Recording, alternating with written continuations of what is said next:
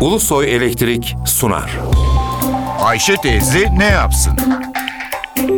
Güngör Uras, Ayşe teyze ekonomide olan biteni anlatıyor. Merhaba sayın dinleyenler, merhaba Ayşe Hanım teyze, merhaba Ali Rıza Bey amca. Şeker pancarı çiftçimiz için önemli bir ürün. Son yıllarda pancar üretimi de şeker üretimi de kotaya bağlandı. Çiftçi istediği yerde istediği kadar pancar üretemiyor, fabrikalar istedikleri kadar şeker üretemiyor. 2000'lerde 450 bin çiftçi ailesi pancar ekerdi. Şimdilerde 140 bin aile pancar ekebiliyor. Bir zamanlar 5 milyon ton dekardan pancar elde edilirdi. Şimdilerde ekim alanı 3 milyon dekara geriledi. Üretim alanı daraldı ama dekar başı ortalama verimde de bu arada önemli bir artış oldu. Dekar başı üretim 5 tondan 5,5 tona yükseldi. Yıllık pancar üretimi 16 milyon 500 bin ton. Ortalama olarak 100 kilo pancardan 14,5 kilo şeker elde ediliyor.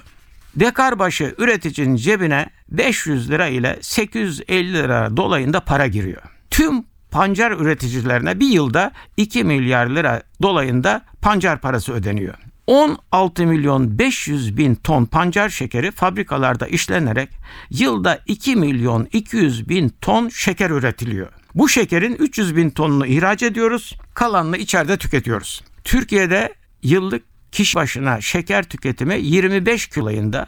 Avrupa ülkelerinde yıllık ortalama şeker tüketimi 34 kilo olarak hesaplanıyor. Bizim 33 şeker fabrikamız var. Bunların 25'i kamuya ait. 5'inin sahibi Pancar Kooperatifi, ikisi özel sektöre ait, birinde ise kooperatif ile özel girişimci ortak üretim yapıyor. Kooperatiflere ait 5 şeker fabrikasının üretim kapasitesi 25 kamu fabrikasının yarısı büyüklüğünde. Şeker fabrikaları yılın 130 günü çalışıyor sadece. O yılın pancarını işledikten sonra kalan günlerde boş duruyor. Türkiye'de şeker fiyatları dünya fiyatlarının yaklaşık iki katı.